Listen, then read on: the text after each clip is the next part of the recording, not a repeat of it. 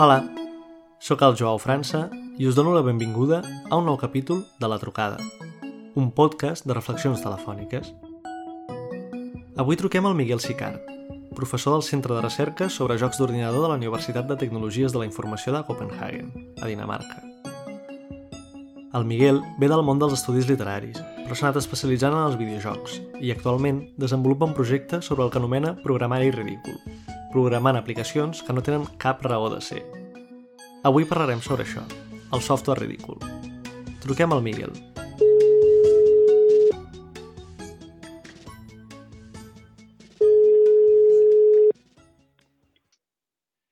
¿Qué tal? Bien. Muy bien, gracias por, por atender esta llamada. ¿Cómo estamos? Un placer. Pues quería hablar contigo sobre qué es el software ridículo, porque tenéis este proyecto con, con Irina Sklovsky eh, que se llama así, Ridiculous Software, y quería pedirte que me contaras un poco qué es lo que, que estáis haciendo.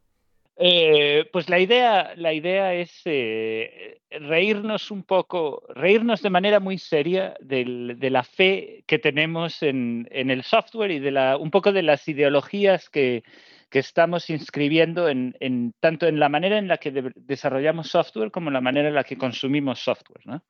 Esta idea de, que todo se puede solucionar si tenemos una app, que la inteligencia artificial nos revela la verdad del mundo porque no somos capaces como humanos de entender los datos, que, que mm, los asistentes de voz como, como Alexa este, eh, son nuestros esclavos y, hacen lo que nosotros les pedimos. Todas estas, eh, todas estas eh, eh, yo me atrevo casi casi a llamarlas FES, ¿no? Todas estas FES que tenemos o diferentes creencias que tenemos en, en el software, el proyecto de, de software ridículo, de, lo que hace es reírse un poco de todas y al mismo tiempo mostrar que, que quizás hay alternativas, que quizás hay maneras pensar en, en cómo se hace software y cómo se consume software que, es, eh, que son más productivas o al menos eh, al menos son más divertidas, ¿no? son, más, son más juguetonas. Que estos días leí el artículo que, que publicasteis y dándole vueltas estos días me venía a la cabeza este,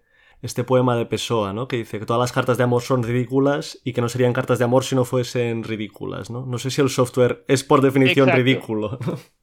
La, la, la, la idea que presentamos en ese artículo, y con la que nos reímos mucho, es que eh, ¿sabes? nosotros somos académicos de profesión y cuando uno es académico, pues a veces, eh, a veces tenemos que, a veces quizás jugamos un poco con, con demasiada precaución y entonces no nos atrevemos a hacer eh, afirmaciones demasiado exageradas. Y con este artículo y en realidad con el proyecto entero lo que queremos hacer es eh, las, las afirmaciones más exageradas del mundo. Entonces este artículo empezó pues yo estuve, yo, yo hice varios, varias piezas de software ridículo y se las enseñé a Irina y, ella dijo, ah, tenemos que escribir un artículo. ¿Cuál es el, cuál es el argumento del artículo? Y, llegamos a la conclusión de que el, argumento del artículo es que todo el software es ridículo, pero alguno, algún software es útil. Eh, y, y, llevamos esa idea al extremo, ¿no? Y es un poco como el poema de Pessoa. Todas las cartas de amor son ridículas, pero tienen que ser ridículas. Y es lo mismo, para nosotros el software es ridículo, eh, pero alguno tiene que funcionar, ¿no? Alguno tiene que, que servir alguna para, para, en alguna función. Y, y, así empezó todo. ¿Y criticáis ¿sí? esta lógica de, de, solución de problemas que se aplica normalmente ¿no? al diseño y a la programación? Sí. Eh, claro, ¿qué es lo problemático de esto? No sé, o sea, qué viene esta crítica, ¿no? Vamos a ver, la, la idea es, eh, hay, hay un discurso eh, que quizás está empezando a ser criticado de, manera más general en el mundo académico, también en el mundo del software, pero, pero hay un discurso que, que, viene a decir que si tú tienes un problema, tú le puedes lanzar una pieza de software, normalmente una app, y, y lo vas a solucionar. Lo vimos ahora con, con, el, con COVID, ¿no? con el corona, eh, que parte, del, parte de la solución es... Eh, desarrollamos esta app para hacer, eh, no sé cómo se dice en español, ¿no? Contact tracing, ¿no? Para seguir, para hacer el rastreo de, de, de contactos. Y dices tú, uh, ¿realmente necesitamos una app para eso? ¿Qué contribuye, no? Pero uh, no sé cómo fue el discurso en España, aquí en Dinamarca era, en cuanto esté el app listo, ya vamos a estar solucionados. En realidad, no, es una app que tienes en el teléfono, necesitas que todo el mundo la, la descargue, no lo vamos a solucionar de esa manera. Y, y la gran mayoría de apps que, que, que utilizamos, ¿no? La gran mayoría de software que utilizamos se nos ha vendido como ahora vamos a solucionar un problema, ¿no? Facebook soluciona la conectividad, eh, Google soluciona el acceso universal a la información, Twitter soluciona, yo en realidad no sé lo que soluciona Twitter, pero debe ser, soluciona que el, loco del pueblo tiene una audiencia más grande, no lo sé, es, una de estas piezas. Twitter para mí es, uno de los ejemplos más paradigmáticos de software ridículo. Eh, lo que pasa es que no saben que hicieron software ridículo.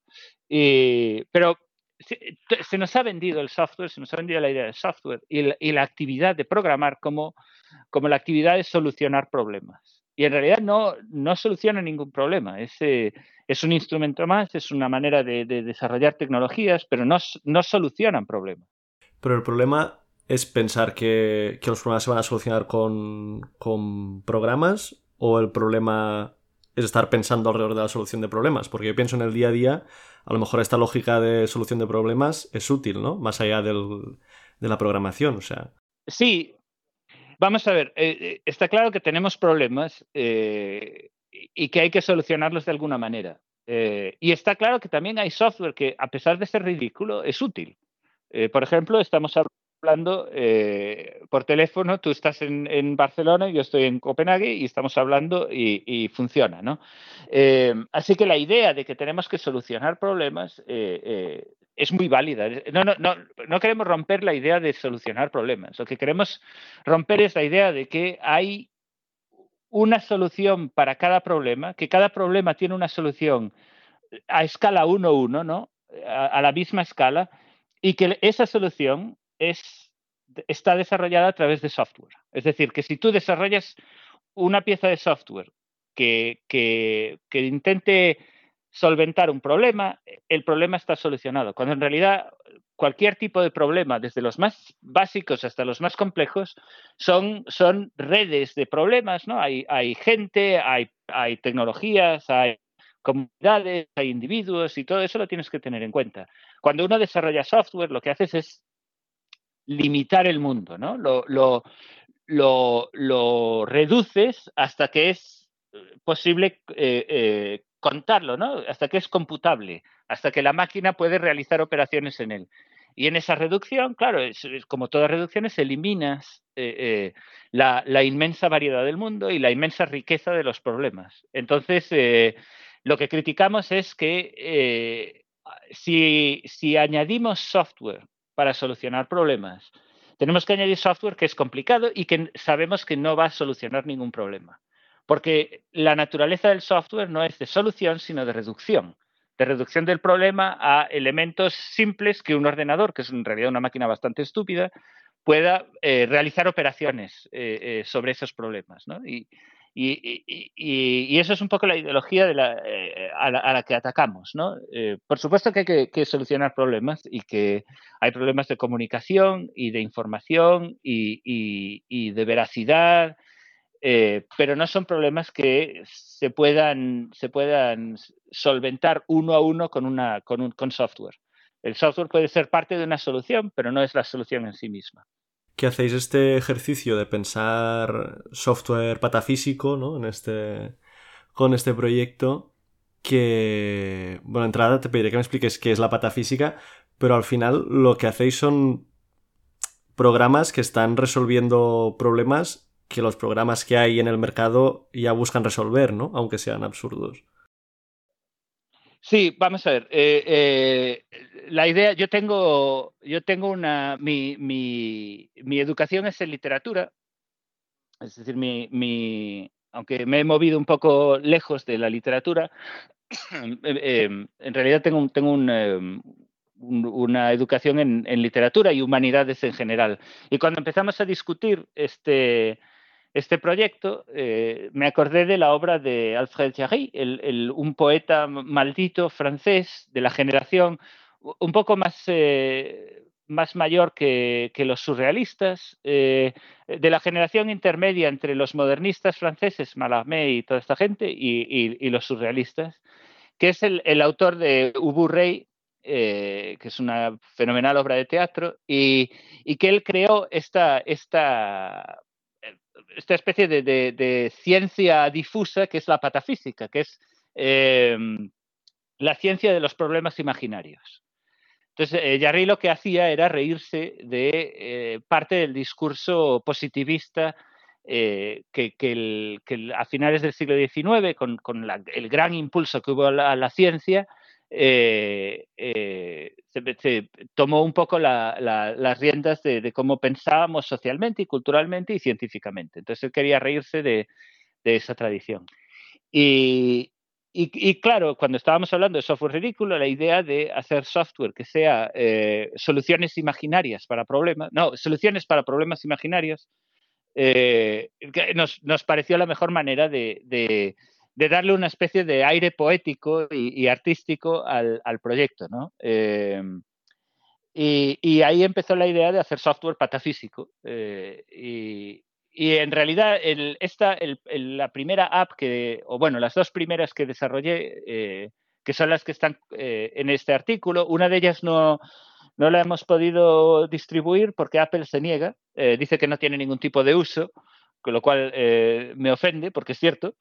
y la otra, ATTN, que es una abreviatura horrenda sobre atención o attention en inglés, que es en realidad una pantalla en blanco eh, que poco a poco se va, se va oscureciendo, pero que el, usuario puede volver a poner en, máxima luminosidad dándole dos veces a la pantalla o haciendo, o haciendo un gesto con la mano. ¿no? Y, la idea un poco de esa, con esa app era reírnos de, reírnos de esta, de esta, cómo consumimos contenidos en Internet todo el rato. ¿no? Eh, eh, en cuanto estamos aburridos, nos enganchamos a, Twitter o Facebook o, cualquier otra cosa y hacemos scroll y, arriba y arriba y más contenido y más contenido.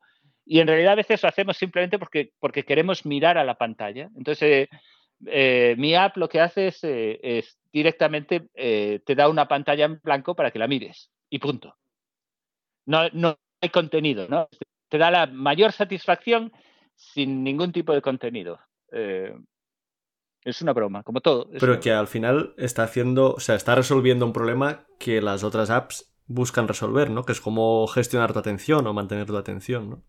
Sí, eso es un poco el, eh, cuando uno hace estas cosas, eh, este tipo de proyectos, uno nunca sabes cuándo vas a cuando la idea, digamos, yo no creo que esto sea arte, ¿no? Pero cuando la idea estética eh, eh, realmente la gente no la entienda y la use para otra cosa. Y, hemos recibido eh, correos de, gente que la usa y dicen, oh, esto es una solución fenomenal para mantener la atención, para no, para no consumir demasiadas noticias, para no enfadarse. Y dije, ¿qué es una broma? Deja el teléfono, ponlo en, una caja, que estás mirando una pantalla en blanco, ¿qué haces con tu vida? ¿no?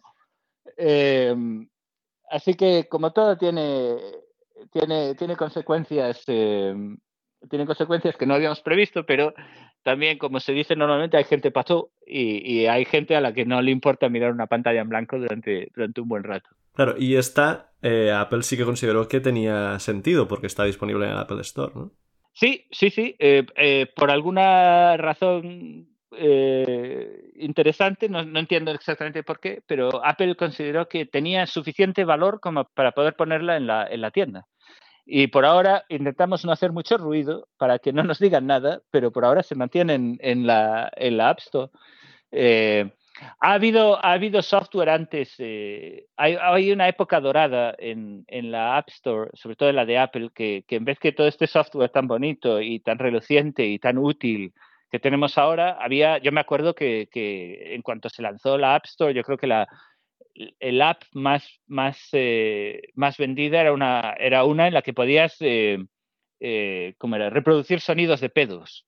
Y eso es fenomenal, ¿no? Y, y un poco era, el, era el salvaje oeste y poco a poco nos hemos, nos hemos convertido en, en el App Store se ha convertido en un, en un mundo mucho más, mucho más conservador, pero, pero bueno, eh, mientras nos dejen el app ahí, eh, no hay ningún Porque problema. ahora me haces pensar que a lo mejor al principio eh, los smartphones, más allá del hecho de llamar, tenían mucho más punto de juguete, ¿no? Que ahora que queremos que... Sí. Bueno, es que en realidad la idea, no la idea, ¿no? Pero el, smartphone ha sido de siempre lo, que se llama en inglés un gadget, ¿no? Eh, y lo interesante es que la idea de gadget se puede relacionar muy directamente con la idea de juguete. Tú a un adulto, especialmente a un hombre adulto, ¿no? Eh, no le vas a decir, oye, tienes que eh, toma un juguete, ¿no? No te toman en serio.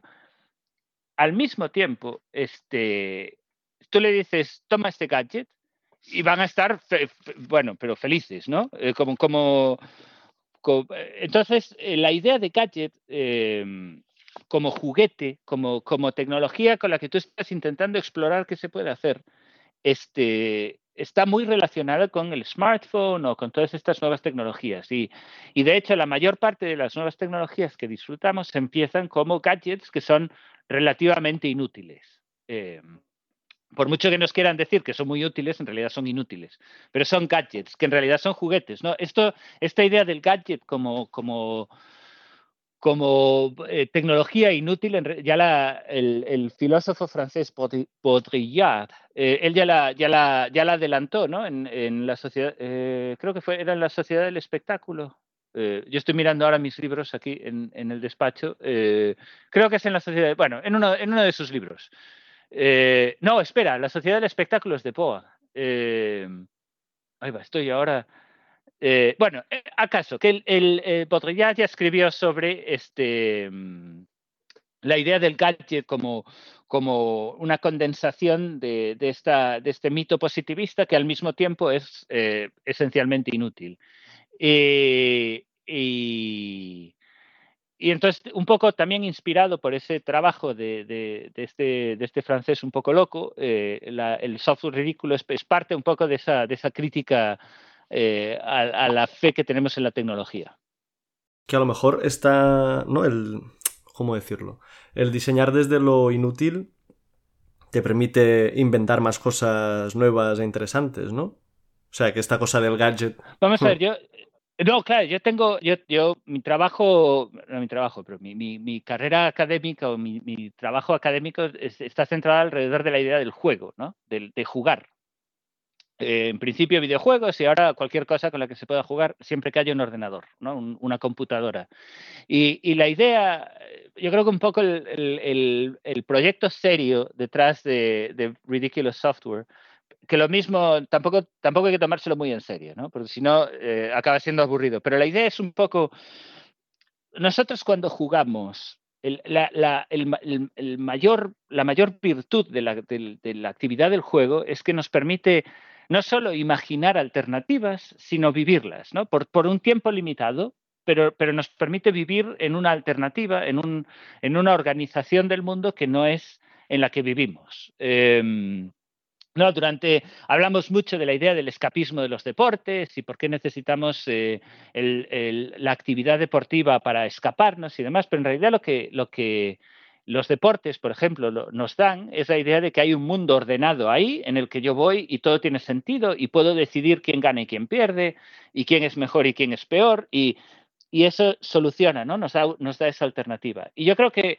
si uno toma esa idea filosófica del juego como la, la, exploración de mundos posibles y la aplica un poco a, la idea de, de, cómo utilizamos el software, ¿no? La idea del software ridículo es que lo mismo hay un mundo posible en el que el software es más humano y, y ridículo porque los humanos somos ridículos, pero hay que, hay que abrazar, ¿no? Hay que, hay que realmente hay que, hay, que, hay que tomarnos un poco menos en serio y yo creo que en cuanto nos tomemos un poco menos en serio, estas posibilidades, estas, estas múltiples posibilidades de otros mundos tienen mucho más sentido. Y, para mí esa es la, importancia de, no la importancia, ¿no? pero la idea final de este proyecto es que eh, lo mismo tenemos que vivir en un, en un, mundo ridículo, ¿no? en un mundo jugable, en un mundo estúpido, en el mundo en el que nos riamos, en el que no hay que imaginar estas alternativas. ¿no? Ahí, ahí está realmente el, el, poder del juego es en, en, la imaginación y en la actuación sobre alternativas. Y lo que estamos intentando hacer con este proyecto es, dar alternativas. ¿no?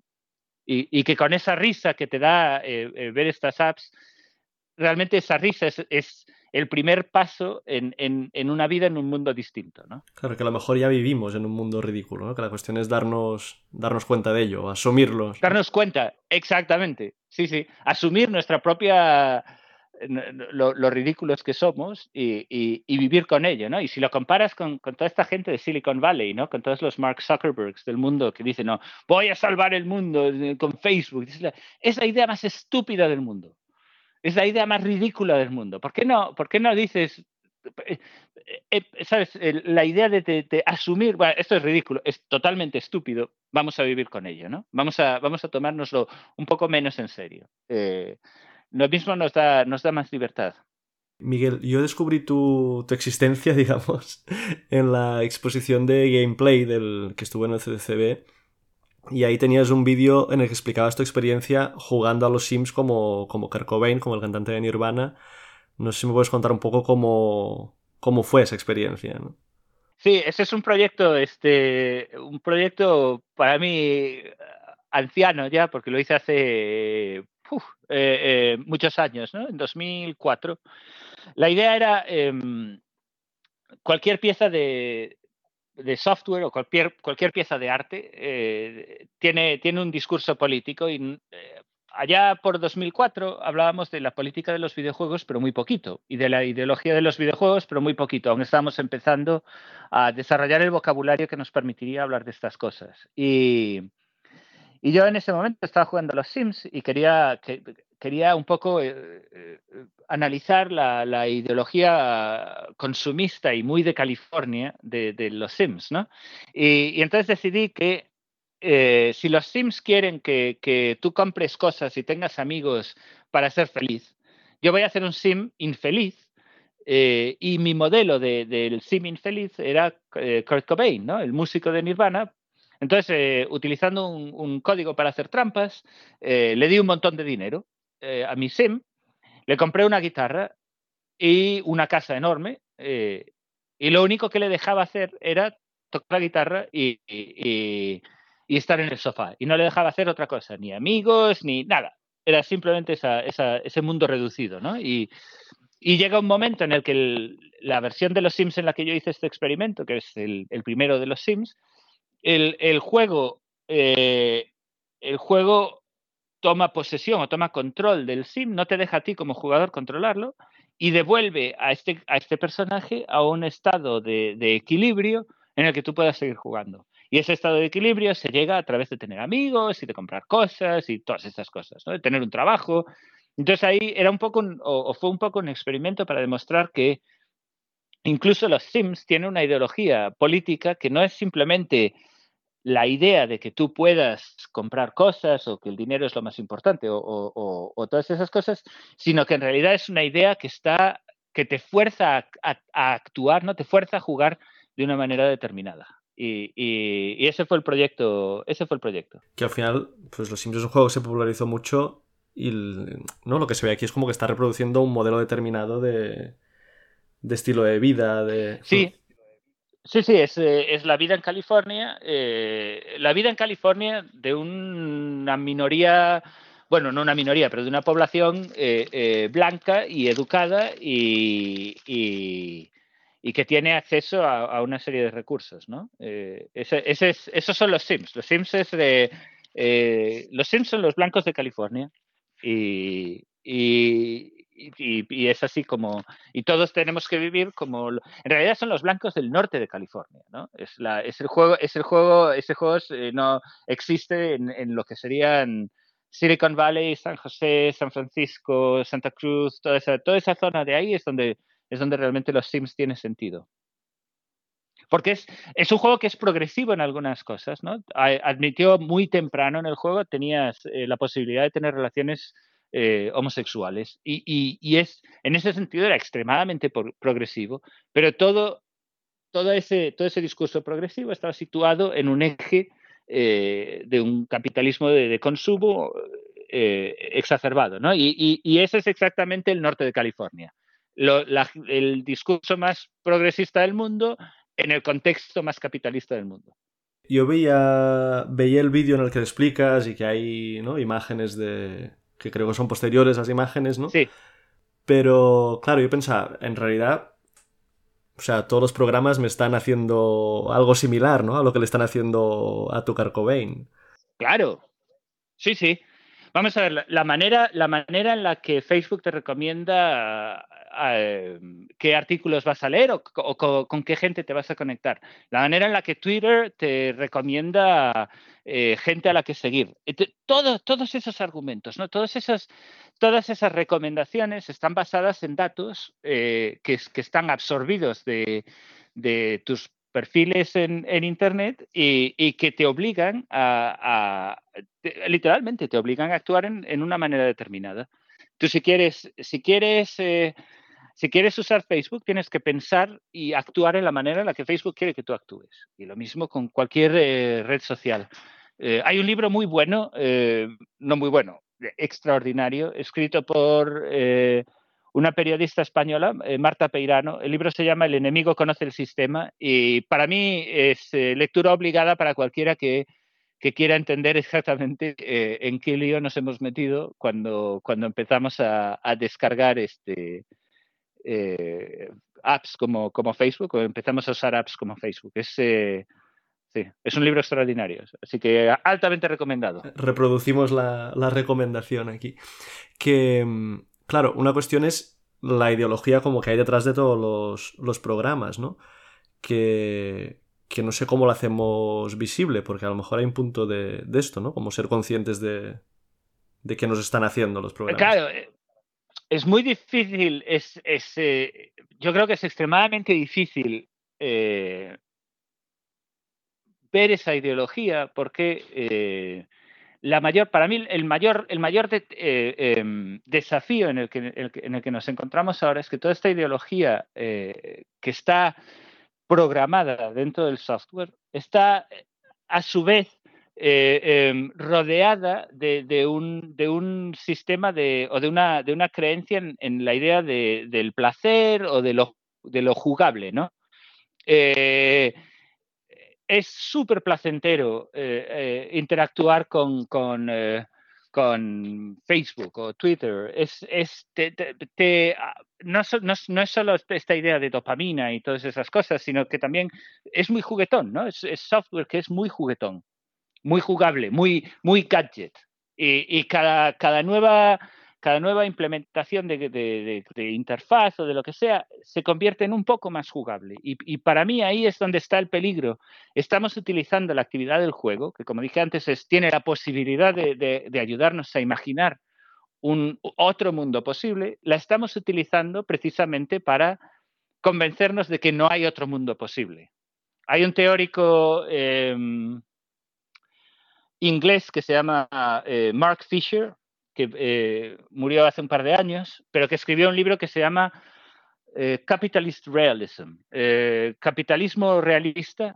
No, es, es, un juego de palabras con la vieja idea de, realismo social, ¿no? Social, socialist realism, pues lo mismo en capitalismo realista. Y, y el argumento de este libro, que es súper breve pero magnífico, es que el capitalismo es un sistema ideológico que hoy por hoy se desarrolla de tal manera que no, no permite ver alternativas. ¿no? la única, no hay alternativa al capitalismo. Puede haber modificaciones del capitalismo, pero no hay alternativas al capitalismo. Y esa manera de no, no dejarnos ver, o una de las maneras en la que no nos dejan ver las alternativas al capitalismo o a las ideologías detrás de este, de este software, es hacerlas extremadamente placenteras, ¿no?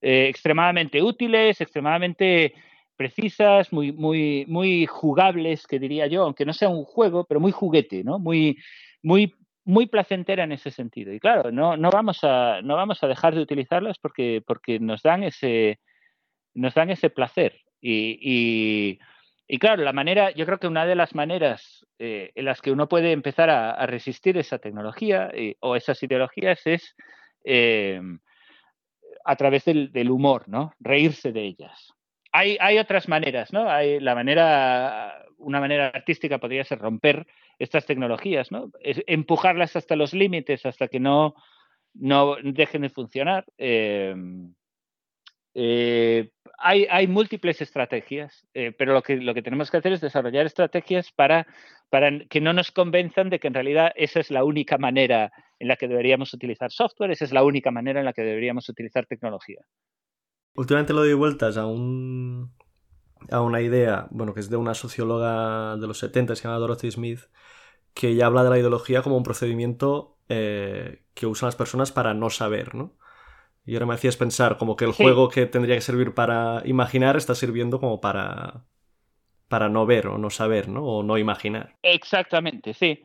Para, para recompensarnos por actividades que están perfectamente delimitadas, pero para no, no, no dejarnos pensar en, en las alternativas que es en realidad la mayor posibilidad del juego. ¿no? Y esto lo vemos, hay una, hay una historia crítica del, del juego y de lo jugable eh, que, que, que, viene, hay una, hay una gran tradición en Latinoamérica de utilizar la idea del juego eh, también en, en su forma teatral, ¿no?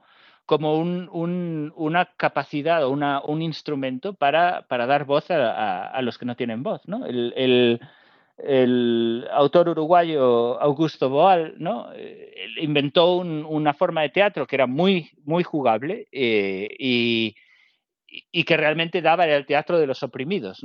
Eh, y, realmente daba esa voz. Y hay un autor contemporáneo, un genio mayúsculo eh, uruguayo, Gonzalo Frasca, que ha hecho lo mismo con el videojuego, ¿no? y, y, y, esa posibilidad, ¿no? esa imaginación crítica de, de, del juego como capacidad de, de generar una, una, alternativa. ¿no? Tenemos mucho que aprender de, la manera en la que, en la que lo han hecho en, en América Latina y, y, que lo, aún lo hacen, ¿no? que no solo que lo han hecho, sino que aún lo hacen. Así que aún hay mucho que aprender de Boal y, de Frasca y, de todas estas Hay que hacer unos videojuegos de los oprimidos, entonces.